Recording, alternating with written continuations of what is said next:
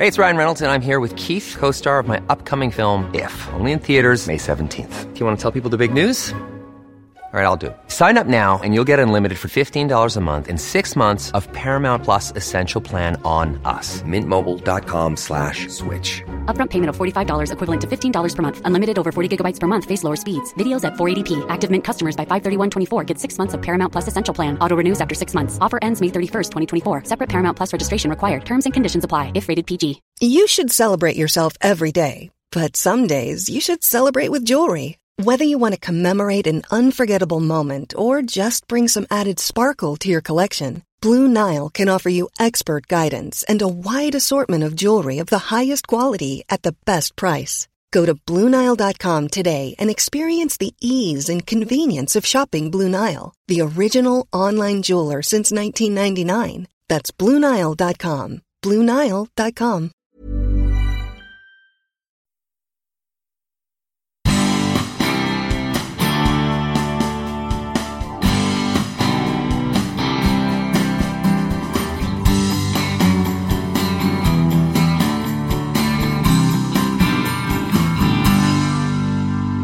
Så där hoppar vi in och man hamnar bakom scenen och där sitter Ralf Gyllenhammar och sitter jag och snackar med honom och de ska spela på en låt eller två där liksom inför Gävle, Gävles rockfestival som pågick på den tiden.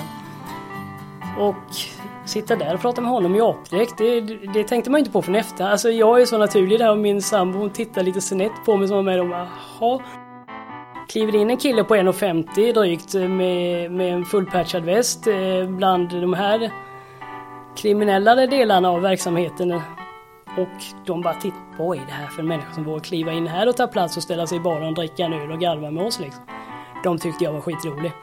De såg mig som någon slags maskot mer eller mindre. Det finns mycket sådana här teorier om att man ska suga ut giftet, man ska skära upp och man ska låta det blöda ut. Har du blivit biten och ormen har injicerat gift, då har du gift i systemet redan. Det finns ingen möjlighet att du får ut det. Från IT-tekniker gick han via makeup-artist, skidlärare, kvalitetskontrollant för skogsplanteringar till att slutligen bli expert på giftormar. På vägen brottades han med Stefan Sauk, uppträdde som apa, rörde sig i mc-kretsar och kraschade bröllop i riddarrustning. Men framförallt blev han duktig på att använda sin ringa kroppslängd till sin fördel. Och naturligtvis, det blir en hel del snack om ormar, ormskräck och vad du kan göra för att slippa bli ormbiten utomlands. Dessutom, det här är avsnitt 100 av podden. Det känns ju helt otroligt att ha fått möjligheten att få träffa och intervjua 100 så spännande och intressanta människor. Tack till alla som har varit mina gäster och tack till dig som lyssnar. Häng med, för nu kör vi mot 200.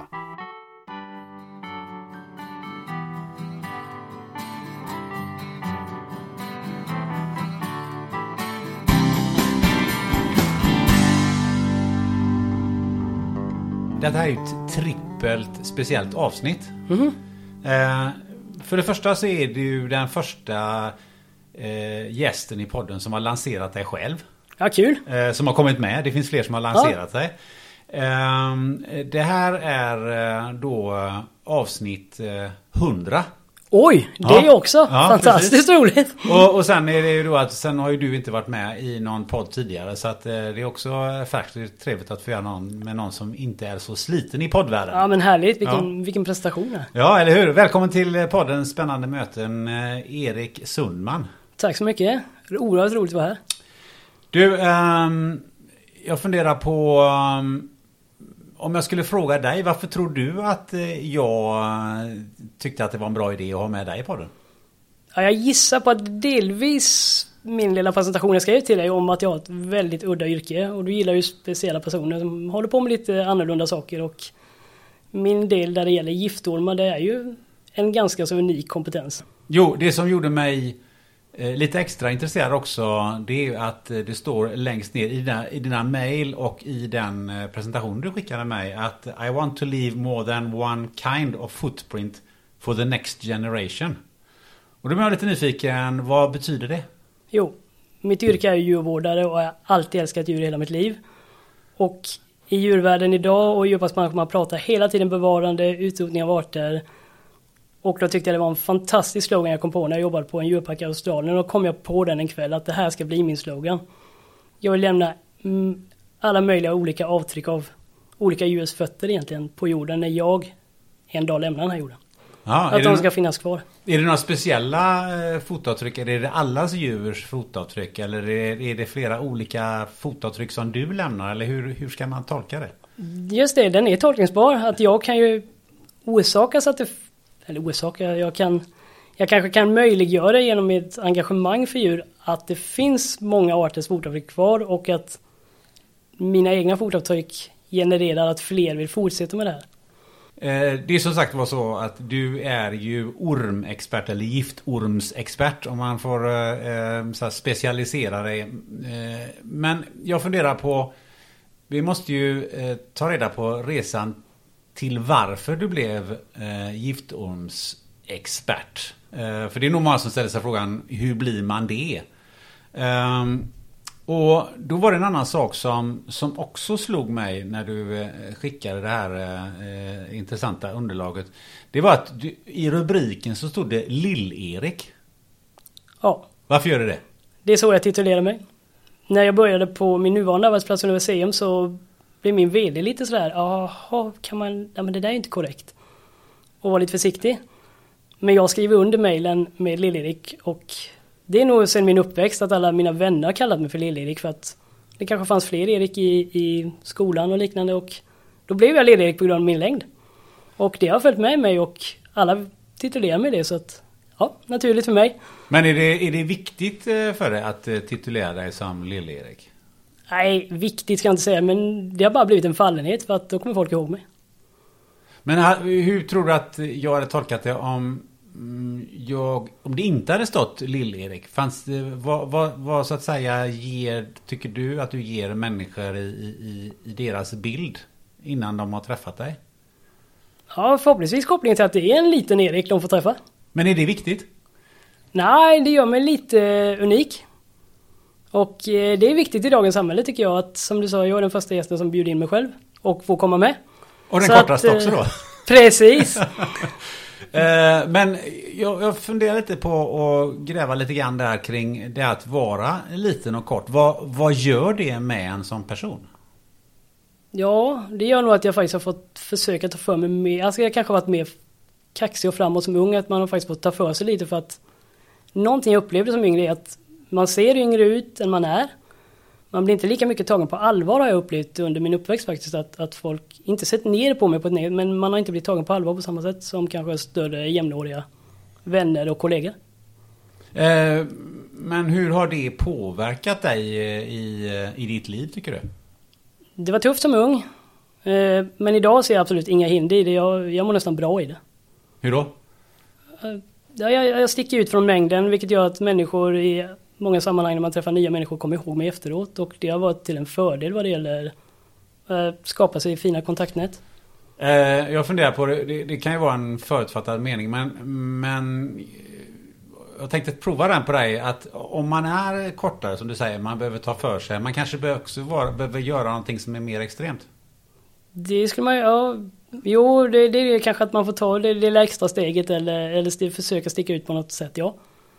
Eh, det kan ju vara det att, ja men eh, om du var yngre, liksom, ja men du jag är specialist på giftormar så kom inte snacka om en eh, mamba med mig för det, eh, den vågar du inte ta i. Nej precis, jag, ja, jag föll nog för ganska de här lite otäckare djuren redan som ung. Det är du helt rätt inne på. Men kanske inte av just giftormar för den delen kommer nog inte in förrän jag, ja, runt 20-årsåldern så började jag med giftormar. Tidigare så har jag hållit på med, med ogiftiga ormar för att det är den vägen man behöver gå som man lär sig djurens beteenden och så. Men, men ormar har ju alltid varit lite kanske en skräckblandad förtjusning hos många människor. Så att, eh, jo, de farliga djuren har jag väl alltid haft ett eller, gott öga åt som ung. Att det har inte varit de här gulliga kaninerna eller hästarna eller det som har fascinerat mig. Utan som barn var det de här lite farliga djuren som många uppfattade som. Vilka ingick i den farliga familjen? Ja, det var väl krokodiler, ormar, hajar såklart och även vissa av rovdjuren kom ju in där som tigrar och lejon. Men, men de hade ändå päls och den, då föll de bort lite helt plötsligt. Det blev kräldjuren någonstans som, som orsakade detta och eh, att det blev de djuren, om jag får vända det så, beror nog på att jag var pälsdjursallergiker som liten. Men som växte bort under min tonårstid. Men eh, jag tänker på varför eh, känner människor en rädsla eller tycker att det är otäckt just med, eh, med reptiler och, och ormar och sådär? Vad, vad är för orsak till det? Det är nog för att de är så väldigt annorlunda mot vad vi är. Men de finns ingen igenkänningsfaktor i de djuren och just ormar så har faktiskt hela apsläktet som vi tillhör en förmåga att uppfatta dem, i, hitta dem i naturen än andra djur har. Deras mönster som ska vara kryptiska och kamouflerande för dem är något som vi med våran ögon och våran syn direkt plockar ut. Och detta har varit ett skydd för alla primater. Att när aporna gick upp i träden och började leta frukt och var aktiva på dagtid så blev ormen ett, ett djur som man var tvungen att undvika för att överleva. Men finns det något socialt betingat i det här också? Jag tänker att ormen är ju någon central figur i, eh, i Bibeln till exempel och sådär. Den är en central figur i många religioner. Antingen negativt eller i vissa religioner positivt. Och någonting jag tror inte människor tänker på i samhället idag. Att när det får förbi en ambulans och tittar man på den symbolen. Vad är symbolen på ambulansen? Jo, det är en orm som ringlar sig upp längs en stav. Varför är det så? Det är läkekonstens djur. Mm. Så därför har alla ambulanser, veterinärer och tandläkare en eskulapstav. I olika eskulapstav som det heter, som är utformad då i olika delar för olika yrken vad det gäller läkekonst. Och där har de antingen en eller två ormar som ringlar sig upp. Du, du sa att eh, du var eh, pälsallergiker eh, som barn. Hur yttrade sig det om du kom i kontakt med pälsdjur? Eh, på den tiden hade mina föräldrar katt. Två stycken och de upptäckte att helt plötsligt började jag liksom klia mig i ögonen och jag började snörvla och snora och få svårt att andas. Jag har även haft väldigt grov astma. Vilket är en av de bidragande orsakerna till att jag inte blivit så stor fysiskt sett. Ja, är astma ett begränsande rent eh, växtmässigt? Eh, delvis korta föräldrar, så gener som gör att jag blir kortare men båda mina yngre bröder är längre än mig. Och min sjukdom då som var väldigt allvarlig, jag höll på att gå bort i astma två gånger under min uppväxt i ganska unga år. Vilket gjorde att jag åt sämre och växte långsammare. Och... Så sjukdomen var helt tryckte mig tillbaka ganska kraftigt, ja. Jag har nog varit för ung för att komma ihåg de här minnesbilderna så klart. Det finns vissa fragment man kommer ihåg när den här känslan av att inte få luft. Vilket kanske är bra att du inte kommer ihåg? Väldigt bra idag tror jag. Vilket också gjorde att jag nog varit väldigt lillgammal som ung. Att jag var tvungen att lära mig liksom livet ganska tidigt och man var hela tiden var på sjukhus och fick lära sig prata med läkare och sköterskor. Och, och det var allvarliga situationer. Så, så att min fantasi var nog lite begränsad som liten. När jag skulle leka skulle allting vara verklighetsförankrat i allting. Och, och, det lever nog med mig än idag.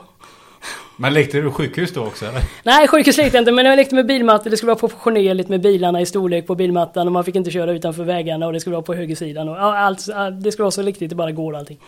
Men eh, var är du uppvuxen någonstans? Jag är uppvuxen på Öland, med brofästet i Färjestaden. Hur var det? Ja, när man ser tillbaka på det, en idyllisk upplevelse egentligen att få bo i ett villakvarter på Öland med, med familj och vänner runt omkring sig och släkt och allting. Och, så det, det, det, är bara positivt. Öland kommer alltid vara hemma för mig. Men dina föräldrar, hade, ledde de in dig på något, eh, på det här intresset med ormar och djur och sådär? Nej, alltså mina föräldrar har nog faktiskt aldrig försökt leda in mig på någonting. Jag har haft en väldigt stor fördel att få pröva mina vingar i livet och, och varit väldigt obegränsad i deras önskemål eller krav på mig. Vad jag skulle bli eller göra. Eh, mormor och morfar hade bondgård när jag var liten så att eh, djur har ju alltid funnits i släktledet så att säga. Men, men, men den typen av djurparksdjur, nej utan det är nog det är nog de tog mig till Ölands djurpark när jag var ung. Det är nog där någonstans det var starten för mig. Hur gammal var du då? Ja, jag minns inte hur gammal jag var. väldigt ung vet jag och, och den här synen av man kom in och se schimpanserna och aporna och sen fick man komma in och se terrariet, ormar. Jag var fast där. Jag tror de hade kunnat gå runt hela djurparken och hela nöjesfältet och bara lämna. De hade nog hittat mig på samma ställe när de kommer tillbaka. Vid ormarna? Ja. Eh, du har redan varit inne på lite grann eh, att du som, som barn inte var någon fördel att vara eh, kort. Eh, hur, hur, var skolgången? Men skolgången är en blandad upplevelse som för säkert alla människor. Men, men eh, det var ju alltid en utmaning att, att hitta rätt umgänge och hålla sig liksom framåt för att inte bli mobbad och hitta sin plats. Och, man fick vara lite av en kameleont för att, att, ta sig fram i livet där helt enkelt. Att, att det kanske inte var, man vill inte vara den som mobbar heller. Och man vill liksom inte bli utsatt och försöka svepa emellan då och hålla sig någonstans i mellanskiktet och kanske inte vara den personen som vill synas och höras som jag är idag. Utan då försöka snekla sig fram helt enkelt och, och sen finns det väl de lärare som, som betyder för mycket för mig och har betytt mycket för mig än idag som faktiskt har varit de som har hållit mig lite om ryggen och, och sett problemen och, och vågat hantera dem och haft den respekten hos elever att de faktiskt lyssnar på dem. Vad har det lärt dig? För att tänka att man att vara lite kameleont och så. Eh, finns det någonting du har tagit med dig från det i, i vuxen ålder? Ja, den, har, den, den är nog med mig hela livet och kommer vara. Jag menar jag har vänner som knappt har en bostad till människor som har så mycket pengar så att de inte vet vad de ska göra med dem. Så att jag rör mig över alla samhällsklasser och alla olika kulturer ganska bekvämt måste jag säga. Och jag trivs med det. Det är väldigt lärorikt. Man, man blir en bred person själv. Uh, var det någonting som du tog med dig därifrån djurparken? Tänkte att uh, är det någonting som du skulle jobba med uh, som, som vuxen sen? Eller var det någonting du tog med dig i skolan? Drömmen, drömmen var ju alltid att få jobba med djur på djurpark och man hängde ju på djurparken så mycket man hade råd och kunde när man var liten. Och eh, jo, det var nog, det har jag levt med men jag vill jobba med det. Men jag visste inte hur jag skulle göra för att komma dit. Det var inte så att man åkte till en annan ort och pluggade på, alltså jag var väl den generationen innan du började plugga på gymnasiet någon annanstans och liknande. och Jag visste inte att det fanns att du kunde läsa djur så att du kunde jobba på djurpark utan man sökte skola och gymnasie i den orten man bodde och tog ett program som skulle ge en, en, en bred möjlighet till att få ett eh, yrkesliv och, och och så ett bra jobb och sådär som alla säger att man ska ha. Så på gymnasiet gick jag faktiskt elprogrammet och planen var att bli elektriker. Det, det kändes tryggt och bra men nej det var inte riktigt där det slutade för när jag, jag satt ändå i skolbänken redan från tidigt högstadie och framåt så det enda krav faktiskt om vi backar där mina föräldrar hade på mig att jag aldrig fick ha ett IG eller ha underkänt i något ämne. Och det har jag alltid klarat och hållit mig på gränsen precis ovanför. Så den har jag nog levererat på. Men eh, jag hade ju inte kanske alla de skolböckerna man skulle ha framme alltid, utan det låg väl alltid någon annan bok eller tidning som handlade om just reptiler där i. Så jag försökte alltid styra, styra mig mot den delen och få jobba med detta och lära mig mer om detta. Så i alla ämnen jag kunde skriva om ormar eller hålla på med ormar om det var i biologi eller liknande när man ska göra något arbete så jo, det var där jag landade. Men du, elprogrammet, hade det inte varit naturligare att gå natur? Det hade säkert varit naturligare men jag har inget plugghuvud och jag nej, ganska skoltrött tidig ålder. Det, det var inte aktuellt för mig. Så du gick ut som elektriker då? Ja, automationselektriker. Det var väl den, om man säger gymnasieexamen som jag skaffade mig. Och jobbade du som det sen? Mm, nej, ja, delvis kan vi nästan säga. Utan jag hamnade faktiskt på, mitt första jobb var på datorföretag. Mm. Byggde datorer installerade nätverk och liknande. Gick därifrån till Ericsson som då fanns i Kalmar där de byggde DC-DC-omvandlare. Och blev elfelsökare. I den stora produktionen de hade då. Så det var ju en, en stor fabrik där man tillverkade de modulerna och där felsökte jag på dem. Och blev kvar under ett par år. Sen sa de upp ungefär 120 personer på en gång och då var man tidigt en av de som fick gå för att man var väldigt sen in som anställd. Många som hade varit i många år. Och då hände vad då? Då gick jag vidare, funderade på livet och ja, vem är jag? Vad vill jag bli? Och vem är jag alltså, som person och liknande? Och ja, jag ville nog prova något annat. Jag ville, jag ville bort från Kalmar och, och testa mina vingar helt enkelt. Och flyttade då till Stockholm och började plugga till makeupartist. Okej, okay, det var ju ett kast. Det var ett väldigt stort kast, ja. Du var ju inte i närheten av ormen fortfarande. Nej, den, den, den var nog botten försvann nog en del där då, under perioden när man började jobba och man skulle liksom skaffa en inkomst och de bitarna. Då, då blev det det här med eljobbet och sen när det blev ett slut på det och man tänkte vad vill jag jobba med istället där man kan liksom få en inkomst och betala sina räkningar och sin hyra och liknande. Så, vad tycker jag om att göra? Ja, jag tycker om mode, det har alltid varit någonting. Kläder och, och stil och de bitarna. Så modeintresserad sedan väldigt ung ålder. Köpte tidigt mina egna kläder och var väldigt bestämd som barn vad jag ville ha på mig och inte ha på mig. Och måla, ja, det tycker jag också om att göra. Så att jag målade lite tavlor, mycket djur och naturtavlor som ung. Att, ja, men kan jag kombinera det? Ja men makeupartist, då får man ju både måla och hålla på med mode. Ja, ja men det det hade nog passat mig. Det kör vi på. Jag ville bo i Stockholm och testa liksom, det är livet, storstadslivet. Så att, eh, ja men jag sökte och så var jag där uppe och gjorde en intensiv utbildning där det, allt från vanlig daglig vardagsmakeup till liksom catwalken till att vara maskör och till kroppsmålning och ja, allt hela den biten. Så det var otroligt roliga månader för det var en ganska effektiv utbildning på en 4-5 månader. Och där uppe så hade jag ju andra då kompisar från elprogrammet som faktiskt hade flyttat dit och börjat jobba med film istället och börjat plugga film och bli kameramän och de bitarna. Och då behövde de ju liksom i sin utbildning till, till att bli färdig kameraman och liknande ha en makeupartist för att göra sina kortfilmer och presentera sig själva. Så genom dem så började vi bygga kortfilmer och jag fick makea och de skulle spela in och de hade stora ambitioner så de ringde in och fick med sig stora skådespelare som både Magnus Härenstam och Stefan Sauk till att ställa upp och, och skådespela för deras eh, liksom, utbildning. Så där hade vi några fantastiska dagar på Dalarö där vi hängde i en stuga och gjorde en kortfilm med dem. Och det kommer jag aldrig glömma när Stefan Sauk lyfte upp mig och brottade ner mig på marken och började kittla mig när jag ska försöka pudra han på näsan liksom. Det var inte hans eh, grej riktigt. Den bilden kan jag ju se framför mig. Helt otroligt. Ja, det var kul. Men det stannade du inte heller? Nej, nej det, det pågick en period och sen nej, nej nu tröttnade jag faktiskt på Stockholm. Det, det, var roligt under en tid när man var ung och ute och festa och nära till allt och så. Men, men skulle man göra något så blev det alltid större projekt man, och, och skaffa grejer och så. Nej, storstan var inget. Jag flyttade tillbaka till Kalmar helt enkelt och, och tog mig en ny funderare på vad jag ska göra. Och det gick eh, arbetslös en liten period och sådär och sen eh, lyckades jag träffa min, min före detta flickvän och vi hängde ihop och hon blev arbetslös och tänkte vad gör vi nu? Ja, men båda hade en dröm om att åka till Australien. Ja, men vad fasen, vad ska vi göra där? Hon hade jobbat som djursjukskötare och tänkte att ja men det är djur. Ja, vi söker djurparker. Så vi satte oss ner och vi skrev nog en Ja, jag ska inte säga att det var nog en 45-50 ansökningar till olika djurparker i Australien. Jag fick fem svar. Fyra nej och ett ja. Mm. Och då drog vi dit. Och där började resan mot att verkligen bli djurvårdare. Men du, innan du äh, äh, åker till Australien så måste jag stoppa dig lite. För att äh, du har också skrivit att du, du jobbade som skidlärare. Mm. Det var genom Friluftsfrämjandet där mina föräldrar eh, har varit med under, under våran uppväxt och mamma har varit mulleledare och liknande. Och, och därigenom kunde man ju få en skidlärarutbildning om man ställde upp och jobbade lite som skidlärare. Så min pappa och jag drog iväg och, och tog den här grundkursen i, i, hur man blir skidlärare. Ja, det här var ju roligt tänkte jag. Pappa stannade där vid den nivån men jag, jag tog ytterligare ett par nivåer och var uppe i Idre och tog en utbildning och sen började jag utbilda lite, lite elever och så. Och sen, sen körde man på det en period.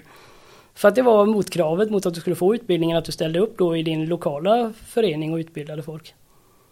Eh, och sen hade du någonting med eh, någon kvalitetsansvar inom skogsplantering också. Jag tycker det är ganska roligt när du räknar upp de här olika jobben och yrken du har haft. Och sen kommer, och, dess, och sen hängde jag med ett gäng, ett MC-gäng en sommar. Då tänkte jag, eh, vad var det för jobb? Ja, nej det, det, var ju inget jobb utan det var en period när jag inte arbetade kan vi ju säga. Utan eh, det var genom ormintresset återigen för att eh, jag har ju haft det här som ett intresse och jag har haft mycket ormar och reptiler hemma redan från 12 års ålder när jag fick mina två första sköldpaddor av mina föräldrar. Och eh, när jag bröt upp från mitt förra förhållanden, eh, närmare sommaren, då tänkte jag men nu måste jag göra något annat. Då, då hänger jag med de här kompisarna som jag träffade året tidigare för de hade haft eh, Salvestaden i Kalmar som var en medeltidsanläggning. Den drev de under en sommar, den här killen som är en eh, MC-kille från början. Han är även stuntryttare i Arn-filmerna. Så han hade det där medeltidsintresset, utbildad smed. Och då skulle de köra en reptilutställning under en av de här medeltids dagarna de hade där på sommaren. Och jag hade ringt in en kompis till mig om han kunde ställa upp med lite reptiler och han ringde mig. Du jag ska ner, eh, ner till Kalmar och, och visa reptiler. Ja vad roligt sa jag för han kommer från Borås. Så jag bara, ja men det är klart. Du hänger väl med? Ja, jajamän ja. ja men du bor hos mig. Ja, ja absolut. Så vi, då hängde vi på och så ställde vi ut lite reptiler under dagen och lokaltidningen var där och fotograferade och hade lite reportage och vi började prata med de här som arrangerade det då ju givetvis och vi hittade väl varandra någonstans och de frågade men grabbar vad ska ni göra ikväll? Ja vi har väl inget planerat, vi tänkte vi åka hem och grilla och ta någon öl och snacka, vi har ju inte träffats på länge liksom. Ja ah, men ni vill inte följa med på ett bröllop som vi ska våldgästa? Va? sa vi. Jo det är så att brudparets eh, föräldrar där, brudens föräldrar har eh, har anlitat oss och vi ska komma som riddare med hästar och full utrustning och eh, manskap till fots som ska liksom komma in och röva på det här bröllopet. Jaha, sa vi. Ja, vi ska slå bruden och kidnappa henne och, och rida därifrån. Så hon ska gifta sig med, med, med riddaren istället för med sin egen eh, man då. Ska ni med på det? Absolut, sa vi. Det här är väl självklart någonting vi vill med på. Det här, det här måste vi med på. Ja, ja, sa vi. Så vi tog ett par öl med dem och sen bara åkte vi ut till den här familjen och alla fick, vi fick medeltidskläder och vi fick svärd och yxor och grejer. Och de hade ju sagt att de skulle bygga om sitt växthus. Det var inga problem om de ville slå sönder det och sånt. Så att vi kom i full kareta, de till häst och vi till fots in på det här bröllopet och bara börja gorma och skrika och gapa och sno gästernas dricka och slå sönder växthus och grejer. Och vi hade ju fantastiskt roligt. Det var en ganska pafft brudpar för de hade ingen aning om det här. Gästen hade ingen aning om det. Det var bara brudparets föräldrar som visste om det här så att det, det var en oerhört lyckad succé. Det var ett kul inslag och ifrån det så lärde jag känna de här killarna som hade MC-gäng. Men det var inte det här farliga MC-gänget utan det, det var lite inte, mer civiliserat? Det var inte det här enprocentiga gänget men, men vi hängde i MC-lokaler och liknande där vi faktiskt hamnade med de här enprocentsgängen. Vad är enprocentsgängen? Ursäkta att jag avbryter. Ja, det, det är ju de här stora, de kallar sig för enprocentsgäng, att det är de här procenten av mänskligheten som lever utanför samhällets lagar och regler. Om vi säger så. Och då hamnade vi i lite utkanten i industrilokaler, i pubbar, i lite oväntade kvarter. Och då kliver jag in, för jag fick ju av de här som jag känner, jag fick ju också en MC-väst eftersom jag skulle hänga med dem en sommar och jag hade ju alla den här fullpatchen med alla de här ryggmärkena och märkena på bröstet och de bjöd in mig till att vara liksom eh, deras, deras kassör i klubben så de här gradbeteckningarna de har i MC-klubb så då skulle jag ju helt plötsligt, då var jag tredje högst i den här klubben. Och i den här världen så umgås man efter rang och man blir respekterad efter rang och liknande. Och kliver in en kille på 1,50 drygt eh, med, med en fullpatchad väst eh, bland de här kriminella delarna av verksamheten. Och de bara tittar, vad är det här för en människa som vågar kliva in här och ta plats och ställa sig i baren och dricka en öl och garva med oss liksom. De tyckte jag var skitrolig. De såg mig som någon slags maskot mer eller mindre så, så det var en fantastiskt rolig sommar att, att uppleva med de här för att hänger man med dem på det viset så är de väldigt, väldigt trevliga och familjära. Ja, Okej, okay, men du eh, känner dig inte utsatt som, eh, som kort där utan det var snarare en fördel? Det var snarare en fördel för skulle man då börja bråka med mig och slå mig, vad, vad är vinsten att slå en kille som är 1,55 lång och väger 45 kilo om man själv är 1,90 liksom? Där, nej, det är ingen större, det är ingen större machogrej att göra. Nej, det är sant. Jag tänkte på maskot. Eh, för du har ju även eh, varit på, på scen som, vad man skulle säga, maskot eller vad man ska kalla det för. Stämmer bra. Jobbade under fyra år som djurvårdare vid Furuviksparken utanför Gävle. Och eh, de är ju kända som, som den stora apparken i Sverige. De har de stora människoaporna. Och då hamnade jag på scen för att eh, de bedrev lite sådana här sommarshower med, på Gävle torg. Där de det liksom lottade ut och tävlade ut årskort till Furuvik. Ihop med artister och liknande så hamnade jag där utklädd till apa. Okej. Okay. Ja, de hade en schimpansdräkt och jag var lagom stor för att passa i den här schimpansdräkten och de tyckte att du är en liten teaterapa i dig själv och du är inte blyg av det så kan inte du bara ställa upp och åka med in? Ja vad fasen det är klart vi provar det sa jag. Så där hoppar vi in och man hamnar bakom scenen och där sitter Ralf Gyllenhammar och sitter jag och snackar med honom och de ska spela på en låt eller två där liksom inför Gävle, Gävles rockfestival som pågick på den tiden. Och sitta där och prata med honom i apdräkt, det, det tänkte man inte på från efter. Alltså jag är så naturlig där och min sambo hon tittar lite snett på mig som var med och bara, jaha.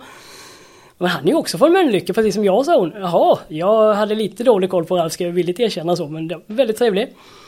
Under en annan eh, del då, någon annan vecka, då var Sean Banan med liksom. Det var ju passande så schimpanser upp och där och på scen och grejer och slå kullerbyttor och, och sånt framför dem när de ska uppträda och liknande. Så är, man har ju fått träffa väldigt mycket roliga människor bakom kulisserna när man, man är med på sånt där helt enkelt. Inte nog med att du fått eh, ta hand om djur, du fick, vara, du fick vara djur själv. Ja, Och det, det fick jag nog väldigt mycket beröm för efteråt. Jag, jag har liksom läst djurens beteende etologikurser och jag har ju studerat dem när jag jobbat med dem och liknande. Så jag försökte ju efterlikna dem så mycket som möjligt vilket nog var väldigt uppskattat av publiken. Eh, men du, då tycker jag vi ger oss iväg till, eh, till Australien som du var eh, på väg till då. Var, var hamnade du då någonstans? I huvudstaden, i Canberra, blev det. Så det var den destinationen där vi började då vår resa på, på denna kontinent och där vår arbetsplats blev. På National Zoo and Aquarium. Vad mötte dig där? Det mötte mig en fantastiskt trevlig personalstyrka, väldigt öppna människor, en härlig kultur. Fick börja liksom lära oss att hacka foder till djuren, diska och liknande, följa med ut på matrundorna och liksom lära sig parkens utformning, de olika djuren de hade, både de inhemska arterna, de exotiska arterna. Den största kattparken i Australien, så väldigt mycket rovdjur. Väldigt mycket kattdjur. Och även en liten del med akvariebit och ett reptilhus givetvis. Där du höll till mest eller? Ja, det var dit jag ville. Så jag började med de med hovdjuren, med giraffer och liknande och med de inhemska djuren. Men sen var det ju reptilerna som var min stora grej och mitt stora intresse. Så jag styrde ju mot det och den här parken var privatägd. En stor fastighetsägare i Australien som, som hade startat den och drev den. Och det var egentligen hans dotter som höll på att ta över den ihop med, med sin man då. Var han också hade ett väldigt stort reptilintresse. Så det sammanföll ju väldigt bra. Så han hade en extremt stor reptilkollektion bakom kulisserna som var hans privata. Och den fick inte vem som helst se eller sköta om. Utan eh, jag fick ju höra talas om den och jag var väldigt nyfiken på den. Och jag berättade om mitt intresse och den kunskap jag hade liksom inhämtat under mina år i hobbyn då. Och då tog, tog de med mig upp och hans, hans fru då tog med mig upp och visade mig den en gång. Att du kan följa med in och titta och hjälpa till lite. Så jag var med inne och hjälpte henne att mata ormarna och liksom byta vattenskålar och sådär. Och, och så. Ja, jättefin anläggning och fantastiska djur. Det är sådana som är väldigt ovanliga utanför Australien då. Arter man knappt ser i Europa. Så det var en helt fantastisk upplevelse. Och sen kom de tillbaka till mig efter en liten stund. Du, eh, vi ska åka på semester här en period och då behöver vi någon som tar hand om våra privata djur. Vi har ju liksom inte personal till det. Kan inte du ta nycklarna och sköta om dem medan vi är borta här ett par veckor? Absolut, sa jag, för eftersom de hade parken så fick de ju bestämma arbetsuppgifterna vi skulle ha så att jag fick den nyckelknippan, hela ägarens nyckelknippa som gick till varenda bur och varenda del i hela djurparken. Då kände man sig lite stolt. Så det var ju fantastiskt kul och då tänkte jag nu ska jag jäkla visa framfötterna här. Så jag städade i ordning och skötte det jätte, alltså det var i bra mycket bättre skick och renare när de kom tillbaka än vad det var när de åkte. Så då fick jag väldigt mycket pluspoäng där. Och sen eh, följde det så att vi skulle givetvis ta lite ledigt. Så vi åkte på semester den här tiden var jag arbetade. Och vi åkte väl runt i Australien i, i en månad lite drygt, hela östkusten och upplevde alla de här klassiska turistdelarna. Med den lilla plusset och lilla fördelaktiga delen att vi, när vi besökte djurparker, vilket vi självklart gjorde under semesterns gång också, hade möjligheten att komma bakom kulisserna genom kontakterna från den djurparken vi jobbade på. Så vi fick se väldigt många fina australiensiska djurparker, både på gästens vinkel och även bakom kulisserna och träffa olika djurvårdare och, och se nya delar och så få ny kunskap helt enkelt. Men jag tänker på Australien är för mig eh, väldigt mycket giftiga, farliga reptiler. Det måste ju varit ett eldorado för dig även utanför eh, djurparken. Det var det. Sen var vi där fel tid på året. Vi var där på, under Australiens vinter vilket gör att en del av djuren försvinner givetvis i dvala så möjligheterna till att fälthärpa så att säga som det heter när man är ute och tittar på djur i vilda minskade ju. Men vi var ju och letade och vi hittade ju lite djur här och där så att det, det var ju verkligen ett plus på, på min resa att, att få uppleva dem där de hör hemma. Men är, att hantera giftiga reptiler det, det låter rätt farligt i eh, mina öron. Ja, det finns en risk. Det gör det alltid. Det viktiga är att minimera risken. Du ska ju lägga det på en så låg risknivå som möjligt när du jobbar med de här djuren. Och tänka säkerhet, säkerhet, säkerhet. För att risken finns och skulle det olyckan vara framme så kan ju det få väldigt tråkiga bestående konsekvenser. Många säger att du dör. Ja, skulle jag dö så är väl inte det något större problem för mig personligen. Då, då är det slut. Och det är klart att jag inte vill dö. Men det skulle ju bli ett större problem för mig personligen om jag fick bestående men som gör att kanske min eh, karriär som djurvårdare är över. Eller till och med skulle hela min yrkeskarriär kunna vara över. Jag blir liksom sjukpensionär. Så de riskerna ska man ju vara medveten om. Och skulle jag gå och dö så är det ju min familj givetvis som skulle lida oerhört mycket. Men eh, kan du beskriva lite eh, vad händer om du blir biten av någon av de här riktigt eh, giftiga ormarna? För, jag, för i min värld så är det liksom antingen så dör man eller så överlever man. Men det låter ju som att det finns någonting mittemellan där. Ja, ja, ja. Om du tittar. Nu har vi ju inte så gott om, om giftiga ormar i Sverige utan vi har ju bara en art i det vilda. Men det finns ju giftormar i privata samlingar i Sverige. Men det finns inga registrerade dödsfall i modern tid. Och ändå sker det något bett eller två per år i Sverige av, av giftormar från, från privata samlingar. Men vad är det som händer om man inte dör och du säger att du får avsluta din, din karriär? Vad är, vad är liksom följderna av ett, ett ormbett som du inte dör av? Det beror ju på vilken typ av gift ormet har, så givetvis. Men du kan få amputera fingrar, armar, ben. Du kan få gå på dialys resten av ditt liv. Du kan bli blind. Det finns, jag kan räkna upp hur många olika, olika scenarion som helst egentligen. För, för giftet hos ormar är en väldigt stor cocktail. Men okej, okay, men kan du beskriva då hur, eh, hur ska man hantera de här eh, djuren? Vilken typ av eh, försiktighetsåtgärder gör man och, och vad, liksom, vad behöver man veta? Det viktigaste för mig när jag kommer och ska jobba med dem det är känna efter, är jag fysiskt och psykiskt helt på banan idag? Det är ju prio ett. Jag kan ju inte ha sovit dåligt, bråkat med sambon, vara bakfull. Då är det big no-no, då rör du inte de djuren. Vad, är, vad, vad, märker de att du är ofokuserad eller, eller vadå? Nej, de märker det inte att jag är ofokuserad, det gör de inte. Men jag har ju en, Jag har ju kanske mitt huvud någon annanstans. Jag har min reaktionsförmåga inte där den brukar vara i ett sånt läge. Utan det är ju min medvetenhet att jag vet hur fort det går från noll till ett fullt utfall hos en orm. Att det kan vända väldigt fort. Men kan du, gäller... kan du se det innan att nu kommer det nog hända någonting här? Jag kan ju definitivt läsa situationen. Precis som jag säger att hästar, hundar, katter har ju visar ju sina beteenden. Så gör även ormar det. Kanske inte lika tydligt med ansiktsmimik och sådana delar men man kan läsa av andningen, man kan läsa av kroppshållningen. Man tittar på miljön, ligger den trängd, ligger den öppet, har den möjlighet att backa?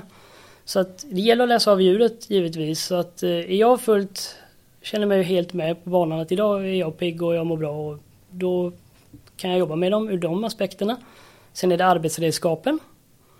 Och sen är det givetvis kunskapen om, om djuren och dess beteende för det skiljer sig från olika ormarter hur de beter sig också.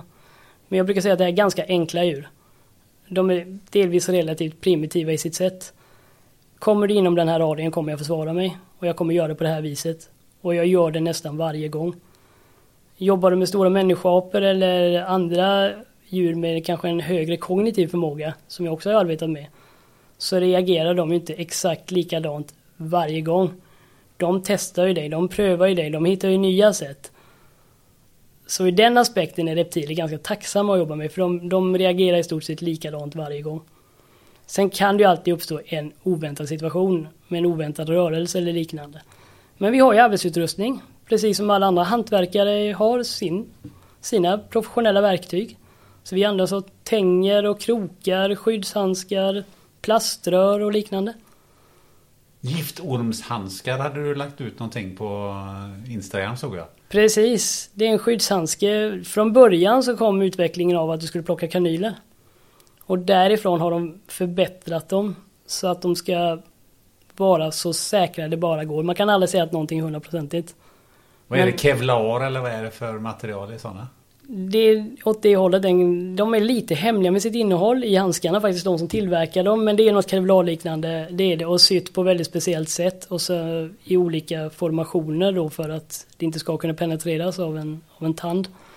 Men har du massa andra eh, skyddskläder på dig när du ger dig in i den och handskas med, handskas med de här ormarna? Ja, man vill ju vara så rörlig som möjligt också, så nej, egentligen inte, utan eh, när vi jobbar med dem i terrarier och liknande, då är det de här handskarna för att förlänga liksom skyddet upp på armen. Och de här krokarna och tängerna som jag pratade om. I fält, om vi är ute och jobbar i naturen eller man är ute och reser och liknande och letar djur bara för att fotografera eller för forskning och liknande, då kan man ha någonting som heter chaps. Som man, ett kevlarskydd man sätter egentligen från, från skorna upp till knäna. För det är ungefär den delen av kroppen som är mest utsatt när du är ute och går i naturen. Eh, men vad kan hända om, om någon av de här eh, giftormarna eh, hugger dig? Typ en, om du får ett bett av en svart mamba eller eh, den typen av orm. Det är det här som är så spännande. Alla tror att det följer ett uträknat förlopp och scenario. Ett giftormsbett kan ske på utloppet och det kan bli väldigt, väldigt olika för vilken typ av människa. Alltså, hur stor är du?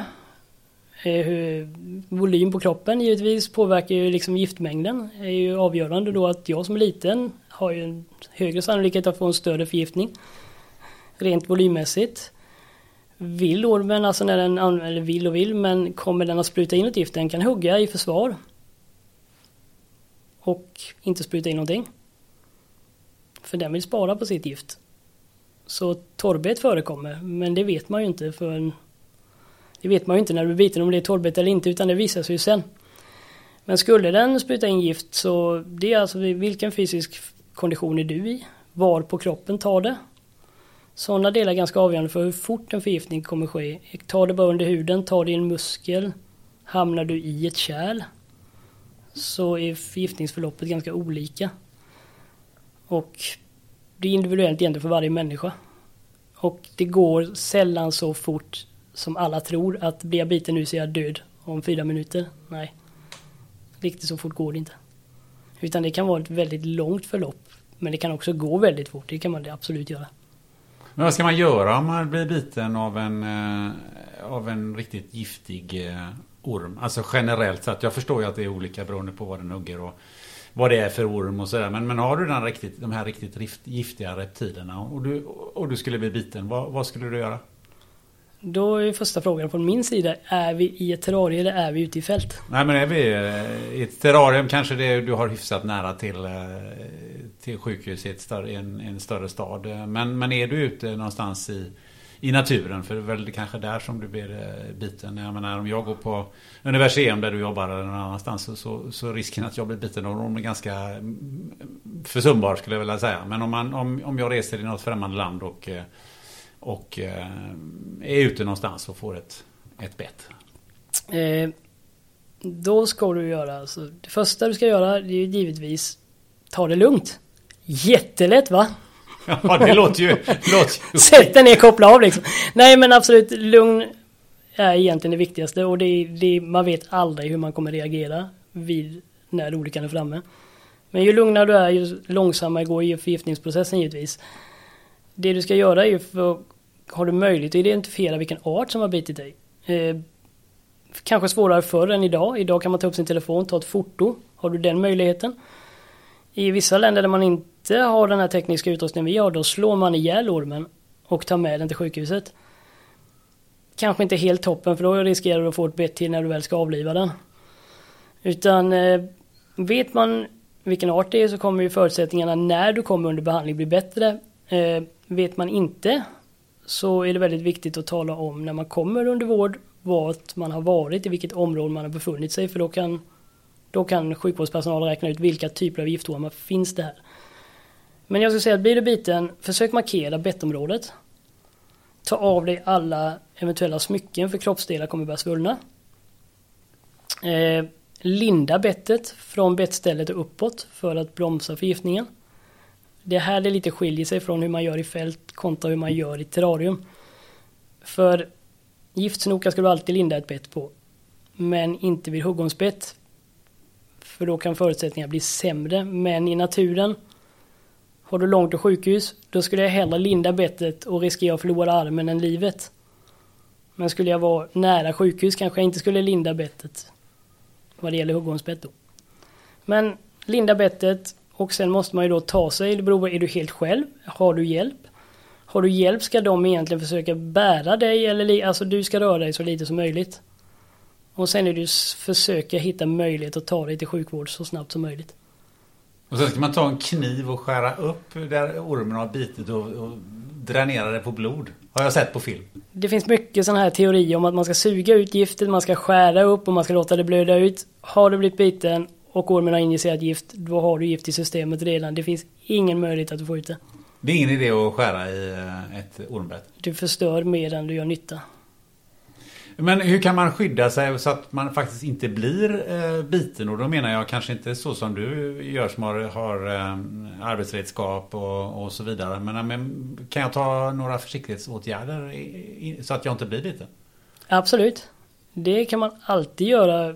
Man kan ju ta reda på dit man ska resa, vilka ormar finns där? I vilka naturtyper finns de? Och sen ska man ju då, när man går, så gå, gå ganska klumpigt kanske låter konstigt men man, de uppfattar ju våra vibrationer i marken och de vill ju hålla sig undan oss. Sannolikheten att man ska bli biten i naturen det är ju om du råkar trampa på en orm egentligen. Så att så länge man liksom rör sig så att de hinner undan. Så att är man ute och springer då är sannolikheten högre än om du går i lugn takt. Och sen titta framför sig, kanske avgöra är det bättre att gå liksom där det är lite mer öppet än när det ska gå genom ett snårigt en snårig destination då blir det ju värre om du går genom ris och, och sånt och gräs. Så att det går ju att förebygga helt klart. Finns det något mer som ormar är rädda för förutom vibrationer? Rovfåglar. Man ska leka rovfågel. Nej, öppna ytor är, är något som ormar faktiskt undviker. Och det, det, är många som undrar på sommaren liksom, ja jag har orm i trädgården och hur gör jag för att inte få in dem på min gräsmatta och liknande. Ta bort stenrösen, ta bort risbuskar, ha öppna ytor. För är det något ormar skyr så är det öppna ytor. Just för, på grund av att de blir, kan bli uppkäkade av rovfåglar då? Ja, bland annat. Det finns ju andra djur som äter ormar också men, men de vill ju inte synas helt enkelt utan de vill ju hålla sig undan. Eh, tillbaka till eh, du, du kom hem från, från Australien. Hur fortsatte din eh, karriär? Ja men då, då visste jag, nu vet jag vad jag vill bli. Nu har jag jobbat med det. Men då kommer vi tillbaka till Sverige och Sverige är ganska så fyrkantigt i många, många aspekter att här önskar ju branschföreningen att alla djurparker som anställer en person ska ha erforderlig utbildning till djurvårdare i grunden för att bli anställd. Och det var ju något jag saknade utan jag gjorde lite, började lite i omvänd ända att jag skaffade mig arbetslivserfarenhet innan jag skaffade mig en utbildning. Så att, jaha, då behöver jag en utbildning och då började jag leta runt vad finns det för möjlighet att läsa till djurvårdare. Och jag insåg ganska snabbt att har jag inte läst under min gymnasietid så är jag körd. Det finns ingen som helst vuxenutbildning i det här. Men eh, där är jag ju en sån som jag ger ju inte upp. Det här måste jag lösa. Och då började jag leta runt, hur gör jag detta? Träffa en fantastisk människa som jobbar åt Kalmar kommun som hjälpte människor att eh, hitta utbildningar och eh, yrkesvägar som inte gick inom den vanliga sfären då. Och han fattade ganska snabbt att jag hade ett oerhört starkt intresse för det här. Jag, han visste vad jag ville. Jag var beredd att satsa på det. Så han sa att ja, men vi sitter och tittar runt på, på lite olika skolor. Vi började titta på gymnasieskolorna då som erhåller de här programmen. Och vissa av de här skolorna erbjuder ju vuxenutbildning också inom då andra områden som trädgård eller greenkeeping och liknande. Och då sa han, men de har ju också djurvård på gymnasienivå och de här på vuxennivå. Och titta här på hemsidan, här står det faktiskt utbildningssäljare. En säljare, de vill sälja sa han. Vi ringer upp. Så han ringde den här utbildningssäljaren på den här skolan och eh, började prata och presentera mig och vad jag hade gjort. Ja men det här låter intressant tyckte han. Så då hörde han efter med, med lärarna på den här gymnasieskolan om de skulle kunna tänka sig att ta en vuxenelev. Och de pratade ihop sig och sen tog det en vecka och återkom och sa att Jo, vi vill bara att han kommer upp och visar lite att han kommer upp och gör ett teoretiskt prov och ett praktiskt prov under två dagar här för att se vad han ligger på för nivå, om det här är genomförbart överhuvudtaget. Så jag fick åka upp till Dingle här norr om Göteborg. Och helt enkelt så la han ett papper framför, känns ingen press, och läraren slängde fram ett, eh, ett eh, dokument med, på några sidor med där han hade plockat ut frågor från alla deras gymnasiekurser egentligen på slutproven. Skriv i och se vad du kan. Eh, så får vi se vad du ligger på för nivå. Satt med och fyllde i dem där och Ja, jo, vissa kände jag det här kan ju klockrent och vissa var man ju definitivt mer fundersam till att det här har jag aldrig hört talas om. Jaha, ja, när det här gick tänkte jag. Sen gjorde vi de praktiska proverna. Bara, ja, det syns ju att du har hanterat djur och det här ser jag inga konstigheter i. Så där kände jag mig ju helt, helt hemma. Men så satt han så gick igenom det här dokumentet. Och ja men du har ju definitivt förutsättningar för att klara av det här sa han. Så att jag ska bara prata med ihop mig med skolledningen och så, så kommer vi återkomma. Och på den vägen så blev det en utbildning där jag hamnade med deras gymnasieelever i allt från årskurs gymnasiet 1 upp till deras årskurs 3. Och då var jag väl ungefär en 29 år gammal. Och jag gick med dem kanske en till tre dagar i veckan och resten pluggade jag hemma då. För att jag fick hoppa mellan de olika kurserna och, och de olika så här så att eh, få pussla ihop det helt enkelt. Och den här läraren han var ju väldigt fantastisk för han tog ju med även med mig. Alltså du har ju den praktiska erfarenheten, det har ju inte mina elever. Så då lät han mig hålla vissa av de delar av de praktiska momenten och lära ut i. Så det var ju ett sätt för mig att lära mig mer genom att lära ut till andra. Och eh, ja, han började ju undra vad jag hade för bakgrund. Jag pratade om att jag hade varit i Australien och jobbat på djurpark. Han bara, vad spännande, hur fick du det? Och berättade om hur jag gick tillväga. Han sa, ja, de hade ju mycket praktikanter och så. så jag, Ja, vi letar ju efter möjlighet att skicka elever utomlands. Ja, men jag hör efter med, för jag behöll ju mina kontakter i Australien och har kontakt med dem än idag. Så jag skrev till dem och frågade om han fick höra av sig och ställa frågan och så. Och det fick han, så han bara, ja, men de ställer sig positiva. Nu ska jag bara söka pengar från programkontoret för att göra en förberedande resa. Så kom han en dag så här på vårkanten och sa, du, vi fick pengarna. Så då fick han, och skulle han och en kollega åka ner till Australien och, och liksom presentera sig själva och, och deras skola och, och, leta lite olika djurparker som kunde tänka sig ta emot svenska elever helt enkelt. Och eh, ja, det gick en tid och sådär och sen det började närma sig sommaren och så kom han till mig en dag. Du, jag har en liten fråga till dig. Jag vet inte om det är genomförbart än, sa han. Men min, eh, min kollega har fått förhinder.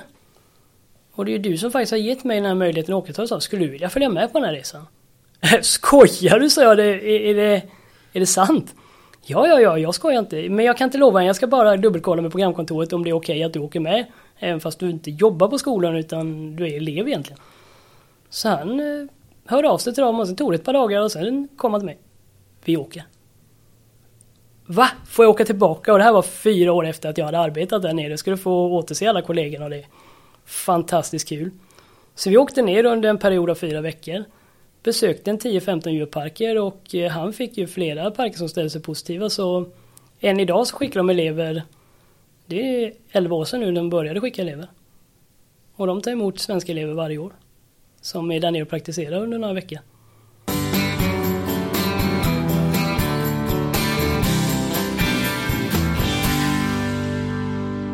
Den här podden sponsras av Life Genomics, ett akkrediterat laboratorium i Göteborg som bland annat erbjuder covid-tester. Har du precis bokat en resa på kort varsel och behöver PCR eller antigentest för covid-19? Ja, då kan du gå in på coronapassport.se för att hitta en vårdgivare i din närhet och boka tid för test och friskhetsintyg. Life Genomics har samarbete med ett 150-tal kliniker över hela Sverige. Och nu, nu kommer en nyhet. Om du reser från Arlanda eller Landvetter då kan du även testa dig direkt ute på flygplatsen vid Life Genomics Lab i samarbete med vårdgivaren Express Care. Där kan du få ett antigentest med reseintyg inom så lite som 30 minuter och ett PCR-test och reseintyg inom 2 4 timmar. Så gå in på expresscare.se och boka din tid direkt. Tack Life Genomics!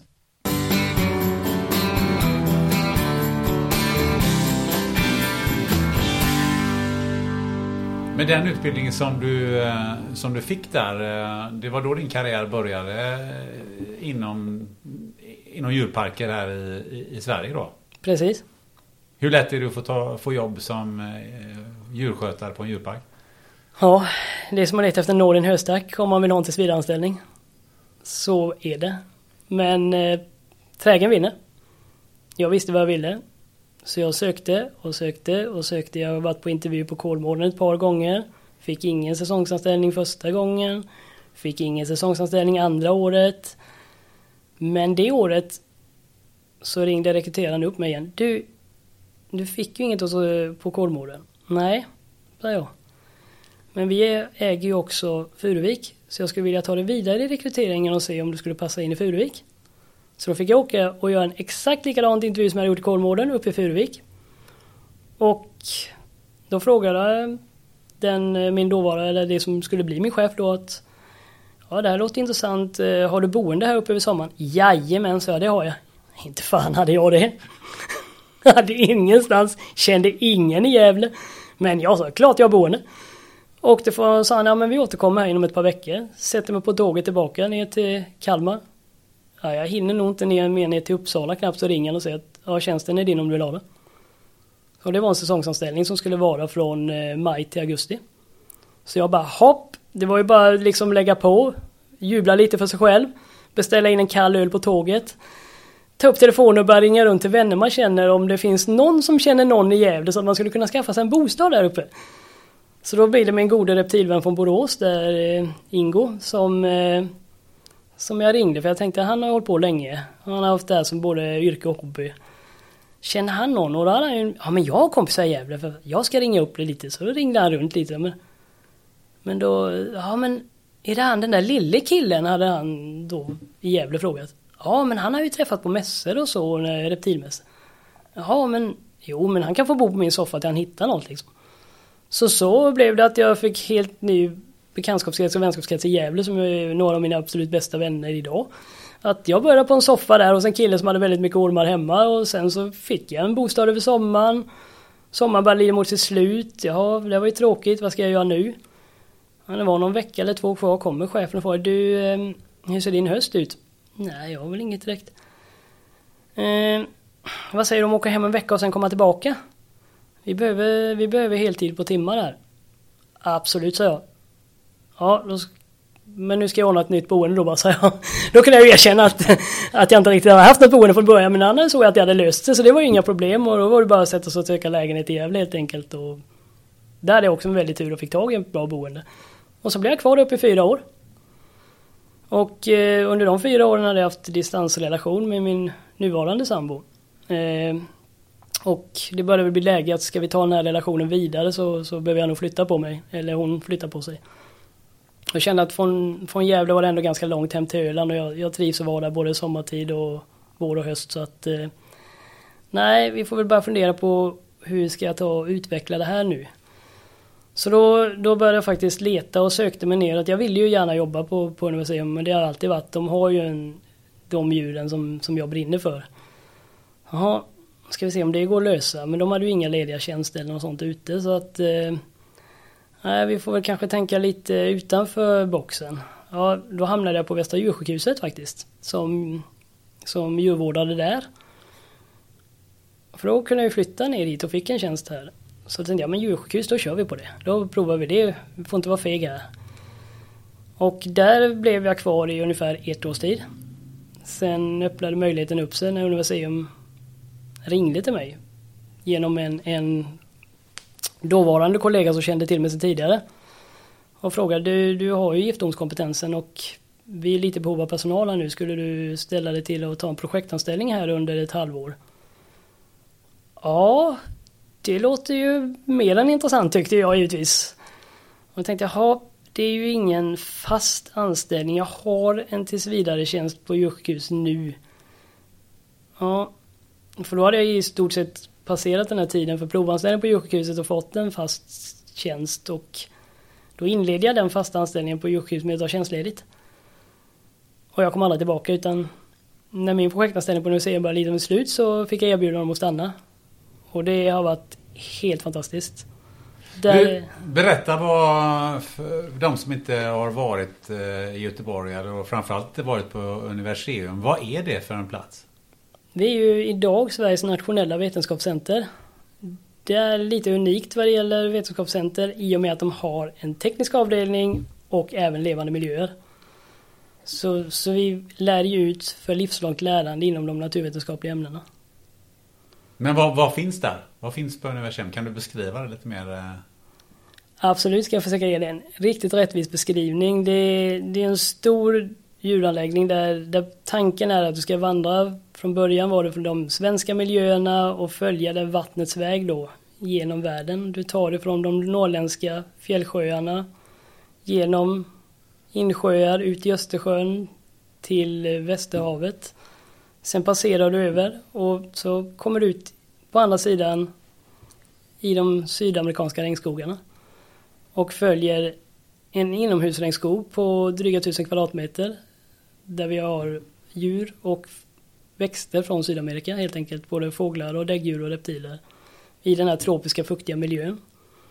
Och på andra sidan huset så har vi tekniska utställningar om rymden, om hälsa och, och nu håller vi på att utveckla ett visualiseringscenter med en visualiseringsdom som ska stå klart nästa år. Ja, just det. Vad är en visualiseringsdom? Det är en eh, typ av biograf där du kan ha en guide som leder dig ut i världsrymden eller ner i människans minsta beståndsdelar. På ett oerhört häftigt sätt där det känns som du åker med på en resa och faktiskt nästan flyger fram. Men på Universum då så är ju din huvuduppgift då att jobba med de här giftormskollektionerna har jag förstått. Jag, jag, jag har en kollega som ansvarar för den här kollektionen som har varit där betydligt längre än mig och kan hanteringen bättre än jag. Så jag har ju fortfarande en resa att göra där jag kan lära mig oerhört mycket mer om hur man hanterar de här djuren. Så vi jobbar mycket tillsammans. Och jag ansvarar även för transporten av djur. Så att djur ska komma in till Universeum eller åka från Universeum så är det jag som sköter kontakten med transportbolag, med myndigheter och liknande. Och mottagare. Hur transporterar man ormar? Ja, det är en intressant fråga va? Vi packar dem i små lådor, plastlådor med ventilationslock som packas i ytterligare en låda. Som sen då är isolerad och det beror på om det är vägtransport eller flygtransport. Men lådorna ser ganska identiska ut, de är säkrade så att om du tar i lådan och även om ormen skulle ha tagit sig ut genom den ena behållaren så skulle den aldrig komma i kontakt med den som hanterar lådan. Så de, de packar säkert och Många tycker att det är lustigt att flyga den här typen eller köra den här typen av djur. Att det måste ju vara farligt. Och det måste vara svårt. Aj, svårt skulle jag inte säga att det är. Det är bland de enklaste djuren att transportera. För de här är ju väldigt tåliga mot att det skulle bli en försening. Så länge de har en temperatur som är erforderligt bra för dem. Så att länge du har rumstemperatur, lite plus rumstemperatur, så då klarar de sig utan mat och vatten. Ganska länge. Så en försening drabbar inte de djuren lika mycket som skulle drabba en väldigt liten, liten fågel som inte väger så många gram. För de är oerhört beroende av att få i sig vätska och foder för de har ett hög ämnesomsättning. Så det är mycket svårare att frakta ett sånt djur. Och mer riskabelt ur djurets perspektiv. För att när man fraktar giftormar så gör man det väldigt säkert. Och de flyger faktiskt eh, reguljärflyg. Så att eh, det kan eh, finnas en låda med giftormar i bagageutrymmet om du sitter på ett flygplan utan att veta om det. ja, det låter ju spännande. Eh, du, eh, men jag tänker så här, du har ju också tagit det här eh, lite längre. Du sköter ju inte bara de här giftormarna utan eh, vad jag förstår så har du även jobbat med utbildning och forskning. Ja, fast en fantastisk resa som både jag personligen och Universum har fått vara med om. att eh, jag är med i de här svenska Sveriges herpetologiska riksförening och vi bjuder in olika föreläsare årligen. Och många i föreningen har ett stort intresse för giftiga djur och framförallt giftormar. Och då bjöd vi in en eh, forskare som heter Brian Fry som eh, är, har en professur nere vid Queensland University i Australien. Och är en av de främsta djurgiftsforskarna i världen. Att komma och föreläsa upp i Stockholm eh, på vårt årsmöte där. Och han kom upp och föreläste och hängde med oss och tog ett par öl och jag kom fram till honom och började prata. Han bara såg ju också mig som en liten maskot, en liten kul kille. Han undrar vad gör du för någonting? Jag jobbar faktiskt med, i, i den här branschen för många av mina vänner har ju bara det här som hobby. Och jag har andra yrken. Så här, men jag är en av de som jobbar med det i branschen och vi jobbar i, i Sverige, här nere i södra Sverige, Göteborg och vi har en av de största största giftomsamlingarna vad det gäller institutioner både i, i Sverige och i, definitivt i Sverige och även i Europa. Ja, vad har ni för arter frågar de mig. Ja, vi har de här, de här arterna. Du, skulle jag kunna få mjölka de här sen? Och då var jag väldigt ny på universitetet. Jag hade inte jobbat så himla länge utan jag hade nog inte ens varit där ett år. Ja, vi får ju kolla detta sa jag för vi satt ju och drack öl och så, så, ja men det, vi ska vi kolla lite så jag tar upp telefonen och ringer till, till kollegan och vi hade ju liksom inte känt varandra jättelänge. Du, jag har den här forskaren, han skulle vilja mjölka ormarna som vi har. Jaha, sa han. Ja, det låter ju spännande men eh, jag måste ju kolla det med våran chef, sa han. Ja men absolut, sa jag. Ja, jag jag ringer dig imorgon. Så han ringer upp, eh, på helgen ringer han faktiskt upp våran chef och, och förklarar läget, vem den här personen är och vad han behöver gift till och, och vad han gör med det. Och hon ställer sig väldigt positiv till detta, att ja men det är klart, vi är ju ett, ett vetenskapscenter och vi ska ju bidra till detta så att absolut så är det görbart. Och han bara, gick jag och talade om för honom, ja men det är klart, vi kan lösa det. Ah, jäklar vad bra sa han, det här är ju fantastiskt. Eh, ja men då följer jag med dig till Göteborg på måndag. Så fixar vi det här på tisdag och så flyger jag hem på onsdag. Ja, ja absolut så jag. Så vi, vi satte oss i bilen och åkte ner dit eh, till Göteborg på måndagen och han bodde hemma hos oss över natten och han och jag fann varandra direkt. Vi samma humor, samma typ av människa, samma intresse. Och sen följde han med oss in och så gick vi igenom och mjölkade de djuren han ville ha och eh, han tog med sig giftet tillbaka till Australien och sa det, det kommer ju dröja.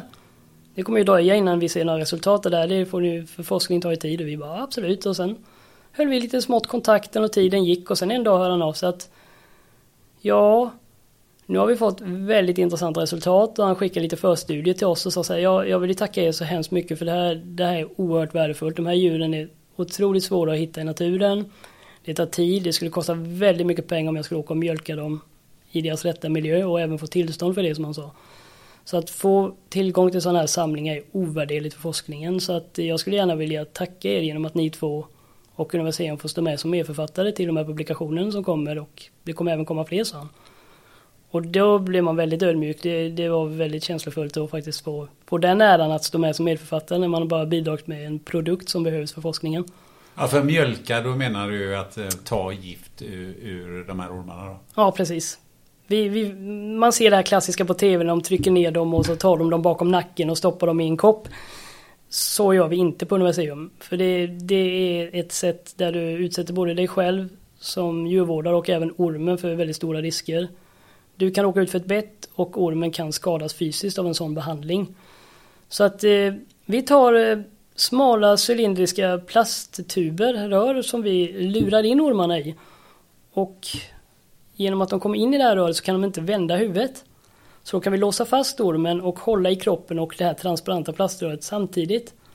Och sen låter vi ormen bara krypa igenom sakta sakta till, huvudet kommer ut på andra sidan. Och då kan vi presentera en kopp som den frivilligt får bita i. Och ofta gör de det för att de tycker att det här är lite irriterande att det kommer något framför munnen och då hugger de i koppen och levererar giftet.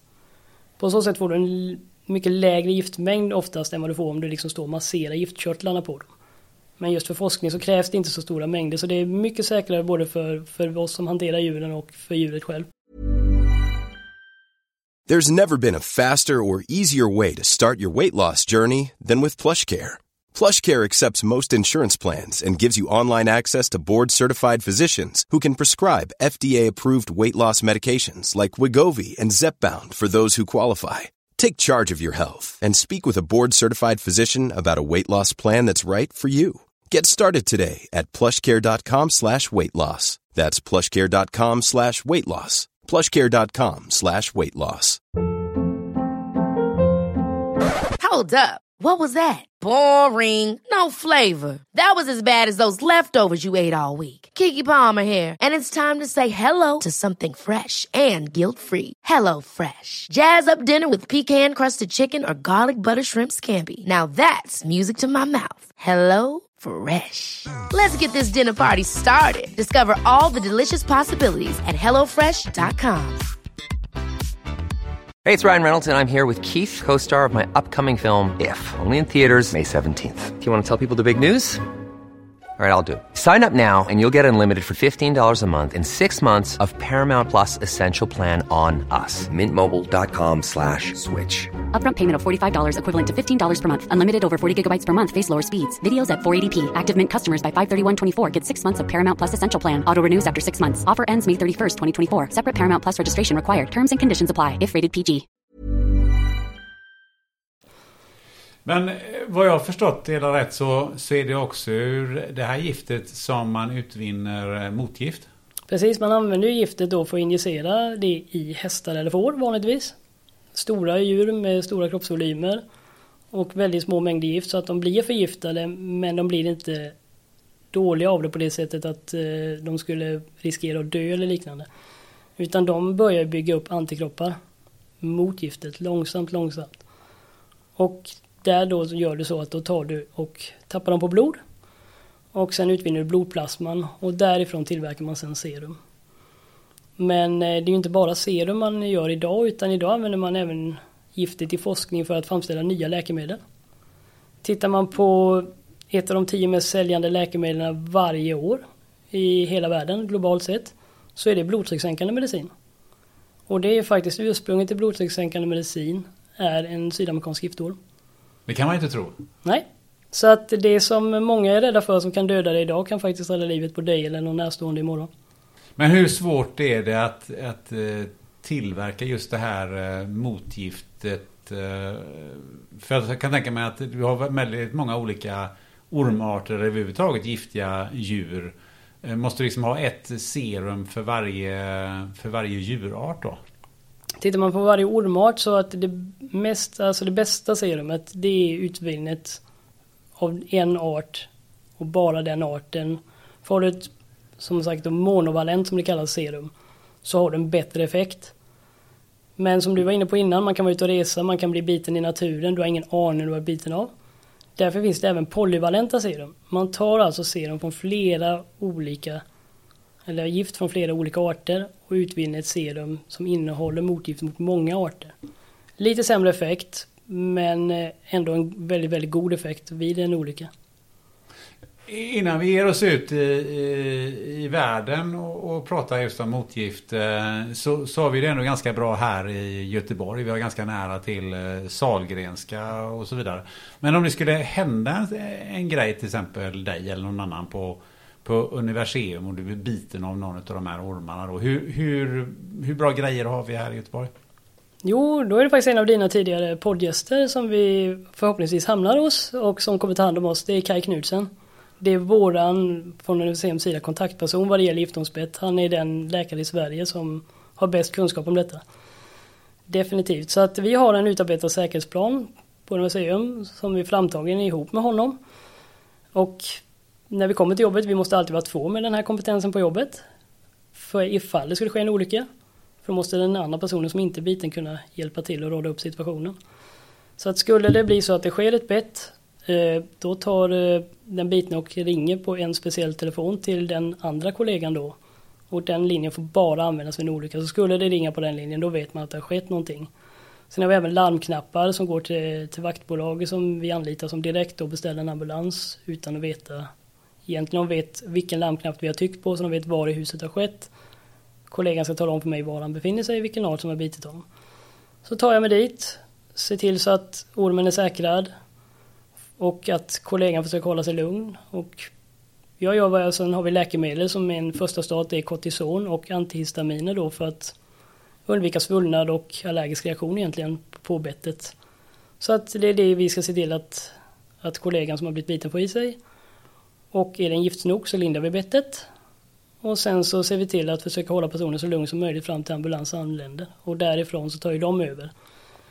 Och jag ska ju även då, som har den här telefonen, ringa 112 själv. För att se till att ambulans är på väg. Jag kan även prata med 112 och säga att vilken art som har bitit. Vilket serum då de ska beställa för allt serum mot exotisk giftorm förvaras på endast en enda plats i Sverige. Var och det är Apotek Skelle vid Klarabergsviadukten i Stockholm.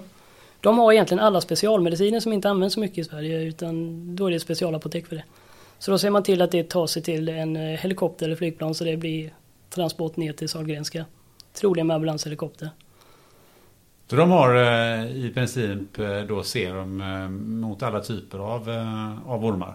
Ja, nästan, jag ska säga att de har ett väldigt stort sortiment mot, mot allt som man kan tänkas ha i Sverige, både institutioner och privata samlingar. Så, så har de ett väldigt gott god kollektion av serum faktiskt eh, tillgängligt i Sverige och det är någonting som vi är väldigt glada för här, att vi har det här sjukvårdssystemet i Sverige.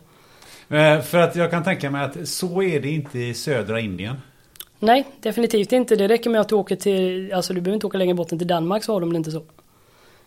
Danska djurparker får hålla giftormar men inte privatpersoner. De får stå för serumet själva om de vill ha något eller förlita sig på att de kan köpa det från Sverige. Så många djurparker i världen har serum på plats på djurparken som de tar med sig till sjukhuset. Men då är det en kostnad som djurparken får stå för själva och hålla rätt lager och kolla utgångsdatum och förvaring och sånt. Men om vi tar oss lite längre ut i världen då. Ta oss till eh, södra Indien någonstans ute på landsbygden. Mm. Det är där de stora delarna av de här. Där är faktiskt giftormsbett är den största negligerade tropiska sjukdomen i världen. Med drygt 100 000 dödsfall varje år och över 400 000 människor som får bestående men som gör att de kanske inte kan fortsätta jobba och försörja sina familjer. Och det är framförallt som du säger, det är länder som Indien. Runt en 40-50 000 dödsfall bara där. Sen är det Afrika, nästa kontinent, som har de stora dödstalen och sen därefter kommer Sydamerika. Många tror ju att Australien har väldigt mycket dödsfall för att de har de absolut giftigaste ormarna. Men de har också bland den bästa sjukvården i världen så att där är det kanske en person max som dör, en till tre personer varje år. Vissa år är det inga som dör där. Så det, det är väldigt stora skillnader och det är delvis på grund av sjukvård. Tittar man på som du säger södra Indien då är det att man går barfota, man jobbar ofta i lantbruksmiljö, alltså de är ute i fält och jobbar. Och de kanske inte har tillgång till elektricitet, det är mörkt på kvällar. Det finns så många situationer och det finns nära människor ofta gott om mat för ormar. Men kan du sätta det i en relation till eh, andra sjukdomar? Du säger 100 000 dödsfall om året i, i eh, folk som dör av, av eh, ormbett. Ehm, kan du sätta relation till någon, någon annan sjukdom? Ja, många känner till ebola. Och de stora ebolautbrotten som var senast. Det var på varenda nyhetskanal globalt över hela världen. Det var väldigt panik till och med i Sverige var man rädd att det skulle komma in människor på flyg och liknande som, som hade viruset och var drabbade av det. Så det är ju inget som har undgått någon egentligen. Och där, det var under en period av 26 månader som det här riktigt intensiva utbrottet pågick och då dog det 26 000 Nej, vad nu, alltså under 26 månader så dog det 11 000 människor drygt. Så det är ungefär vad det dör på en månad år ut och år in av ormbett. Så det, det är ganska stora skillnader i proportionerna. Men vad kan man göra åt eh, problemet?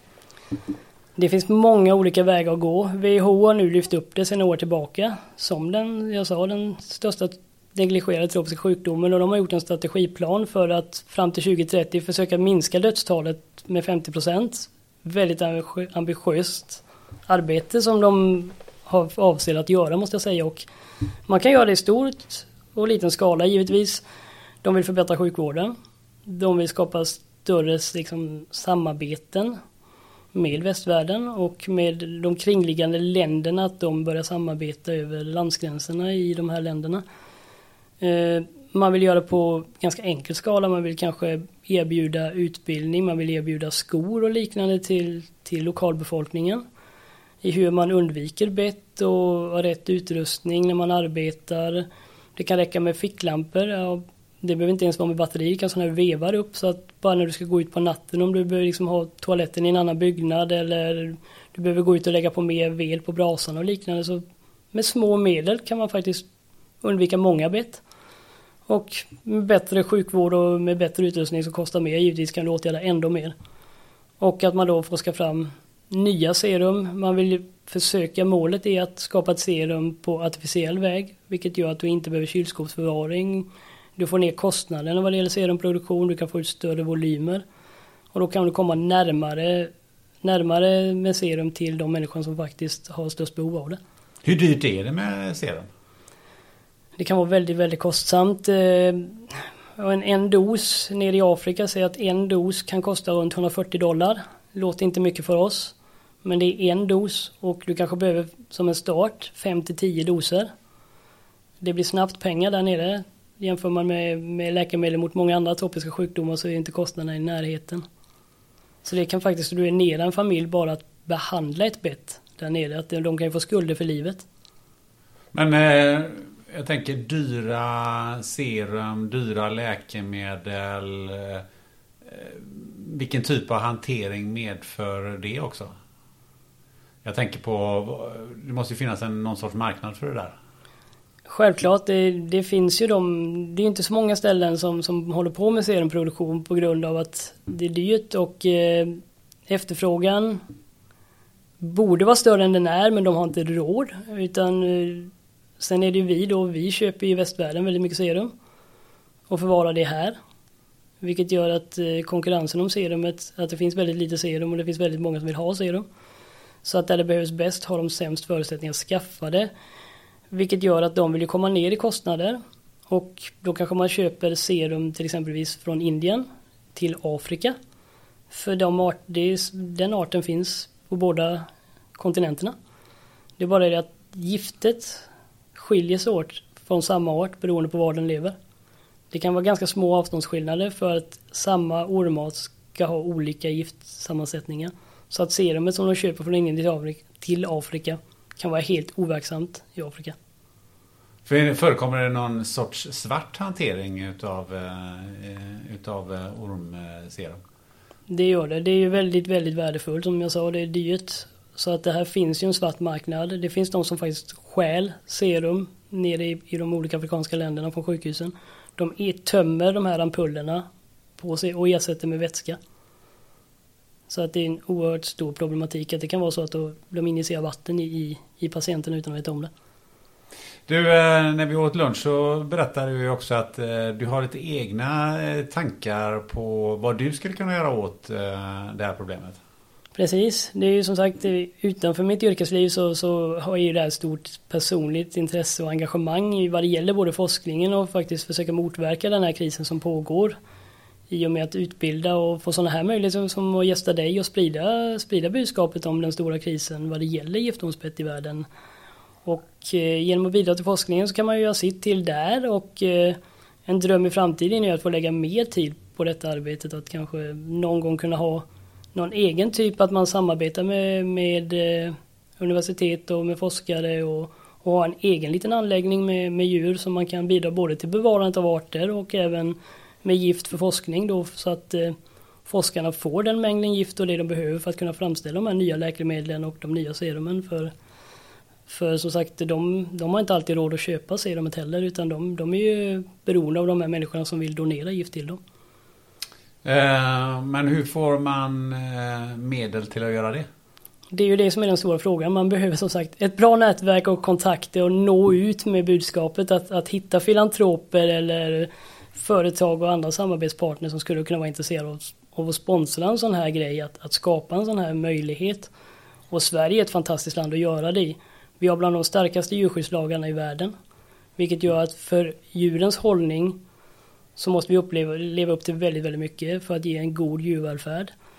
Och en god djurvälfärd gör att djuren så gift blir av högre kvalitet. Så skulle djuren få bo i stora fina terrarium med så naturlig inredning som möjligt så är det en förutsättning för att giftmängd, giftens sammansättning ska vara bättre för djuren i bra kondition. Även om du håller dem trångt och mörkt som de gör i många andra länder där du inte har de här djurskyddslagarna utan de förvarar djur på väldigt små utrymmen i väldigt tråkiga miljöer.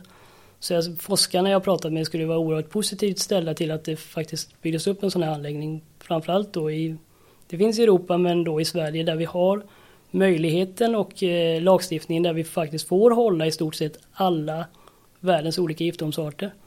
Det är inte alla länder får hålla giftormar i så att vi har lagstiftningen som gör att vi får hålla dem. Vi har djurskyddslag som tillgodoser att vi får väldigt fina djur.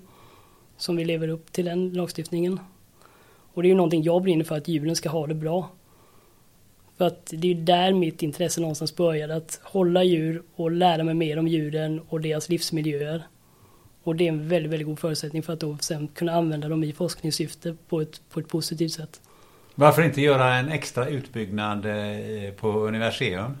Vi har ju som sagt Sverige så är en av de största redan kollektionerna. Det är som gästen ser hos oss. Det är ungefär en fjärdedel av den kollektion vi har. Så vi har tre fjärdedelar av djuren bakom kulisserna.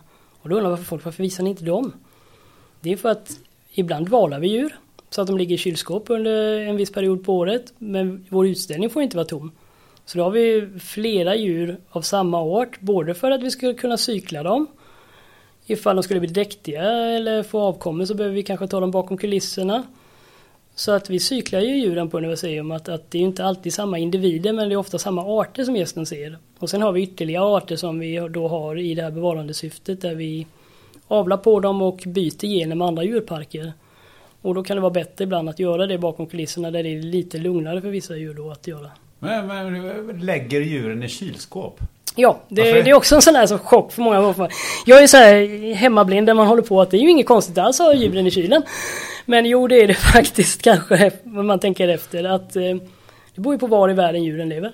Som här på norra halvklotet eller långt ner på södra halvklotet. Eh, klimatet över året är väldigt olika.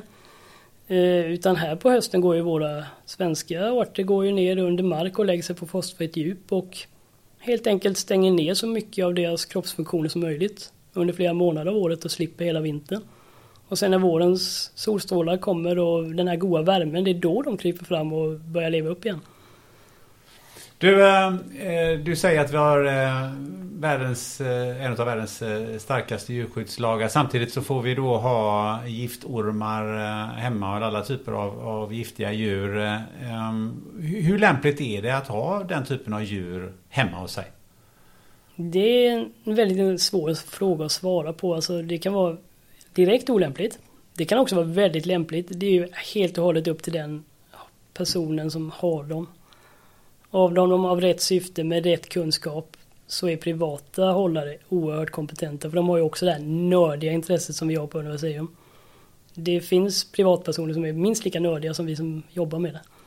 Och sen finns det privatpersoner som har eh, typ eh, skallerorm som eh, vakthund eller något sånt där. Ja, de vill vara lite coola och, och ska ha det. Och de, de fallen finns ju alltid avarter av människor som ska skaffa något av helt fel anledning. Det får visa upp för polarna och vara cool. Och det är ofta där som problematiken med, med bett faktiskt sker, olyckor. De har inte riktigt förstått vad det är de har skaffat sig. Det är, det är ett skarpladdat vapen de inte kan hantera helt enkelt.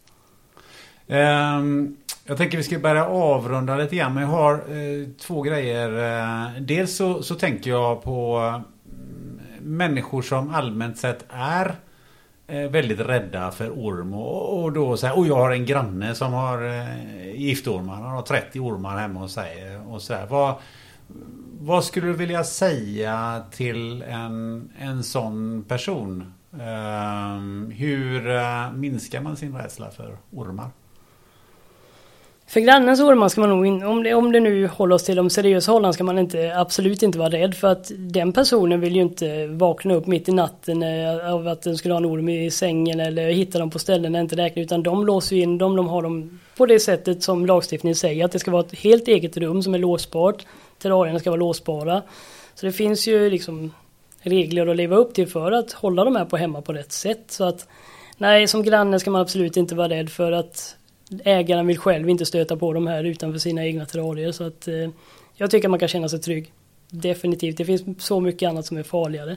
Och har man en ormrädsla så, så det första steget du måste göra det är att själv komma till insikt att jag vill göra något åt det. Det är det första. Vill du själv göra det, det är det första steget. Då finns det, det finns terapeuter och det finns sådana som jag som hjälper till med sånt. Jag jag har själv tagit hand om personer som har fobier. Jag har tillsammans med terapeuter lärt mig hur man gör och samarbetat med dem ihop, att vi tillsammans har gjort detta. Vi har haft de som kommit till Universium i terapi.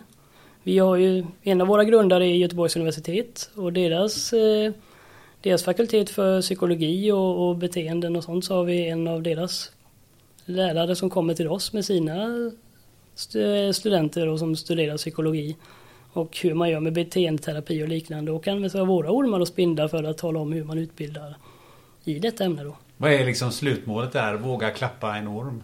Ja, det är väl någonstans där du, och dit kan du komma ganska fort. Vissa har sagt att det tar, ja det kommer ta så här lång tid från att jag kan se dem på bild till jag kan klappa dem. För mig är det inte den långa resan du ska göra. Det finns de som har kommit till mig och det har tagit 20 minuter. De säger att de inte kan se någon på bild och sen sitter de och klappar ormen efter 20 minuter. Jag tror att det handlar om, om kontakten du får och tilliten till den du sitter med. Hur jag uppför mig mot dem och respekterar deras rädsla och hur jag är avslappnad i situationen och för, jag har ju förståelse till att du kan vara rädd för det. Och jag kan också visa att det här är faktiskt helt ofarligt. För att en fobi det har du fått aldrig nedärvt. Utan det har du fått från någon i din närhet när du har växt upp helt enkelt. Eh, det andra jag tänker på det är ju att du har gjort en eh, fantastisk resa som vi har eh, fått ta del av eh, här nu senaste en och en halv timmarna. Ehm, hur, hur, för det, hur för du det vidare till, till andra? Vad, vad tycker du andra kan lära sig utav, utav den här resan? Att eh, man vill ha, många har ju mål hoppas jag, om inte annat skaffa sig mål i livet. Eh, man tar sig aldrig rakt till målet. Har jag tänkt att det ska ta fem år, då kanske det tar tio. Och jag har insett att omvägen är väl värt det. Att det är inte det raka spåret som är det bästa utan omvägen men tappa aldrig siktet mot målet. Och ge inte upp. Ge inte upp, det tycker jag är ett eh, otroligt bra eh, slutord eh, på det här. Och omvägen är, är vägen värd tycker jag också var, var eh, väldigt bra. Du, nu har vi som sagt var suttit här i en och en halv timme och eh, snackat och det här var din första eh, podd. Hur, hur tycker du det har känts? Oj, spännande upplevelse. Det finns så mycket mer man har velat säga. Det finns säkert saker man vill säga på ett annat sätt eller fördjupa sig i. Men, men det är oerhört kul att få, få börja det här formatet och att jag hoppas inte det är min sista podd. Nej, det får vi verkligen inte, inte hoppas. Eh, om du skulle vilja rekommendera någon annan eh, som jag borde intervjua i den här podden, eh, vem skulle det vara? Då har jag ett namn. Jag vill inte ta någon av de stora kända människorna för de finns i så många andra kanaler. Utan det blir faktiskt ett annat intresse som jag vaknade för. Ja, går fyra, fem år tillbaka bara så, så vaknade ett eh, intresse i privatekonomi. Hur man skaffar sig ett rikare liv vad det gäller både ekonomi, energi och tid. Och då var det faktiskt min kollega som tipsade mig om eh, Rika Tillsammans-podden och deras eh, blogg. Så Jan Bolmesson som driver den är en människa jag definitivt skulle bjuda in för att prata privat sparande och privat ekonomi för att skaffa sig ett rikare liv och, och mer tid. Så att pengarna jobbar för dig och inte du för pengarna. Det tycker jag var ett eh, oerhört intressant eh, kast eh, från det här fokuset som vi har haft på, på orm och djur och så vidare till, till privatekonomin. Så att det, det ska jag ta till mig och se vad, vad vi kan göra av det. Om man vill ha tag på dig eller följa dig. Man kanske vill ha en 20 minuters ormterapi eller vad vet jag. Hur gör man då? Jag finns på Instagram under Lill-Erik, Erik Sundman på Facebook, eh, via min hemsida esun.se så hittar man mina kontaktuppgifter där. Fantastiskt! Och jag ser fram emot att folk hör av sig om alla möjliga frågor vad det gäller både giftormar och andra djur eller som faktiskt skulle kunna tänka sig att vara filantroper och dra igång något intressant projekt vad det gäller forskning eller bevarande av de här djuren. Ja, för det tycker jag att eh, är det någon som lyssnar på det här och vill dels göra en eh, eh god gärning och eh, hjälpa WHOs mål att eh, halvera antalet dödliga eh, ormbett och samtidigt sätta Göteborg på kartan så finns ju chansen här och nu. Det är bara att höra av sig till dig. Absolut. Jag ser fram emot det. Erik Lill-Erik Sundman, ett stort, stort tack för att du ville vara med i den här podden. Tack så hemskt mycket för att jag faktiskt bjöd in mig när jag själv bjöd in mig själv. Det tycker du gjorde rätt i. Tack. Du har lyssnat till avsnitt 100 av podden Spännande möten med Erik Sundman. 100 avsnitt ska naturligtvis firas på lite olika sätt. Låt mig komma tillbaka till detta inom kort. Så håll utkik i poddens sociala medier. I nästa avsnitt så beger vi oss hela vägen in i inre Värmland. Du ska få träffa fotbollsarbetaren Ello Mattsson som varit förbundskapten i mörkaste Afrika det kommer bli ett grymt samtal. Till dess så vet du vad du gör. Du tar ett stort glas äppelmust, sätter dig med en vän i soffan och diskuterar vilken orm ni allra helst vill dela säng med. Ha det gött!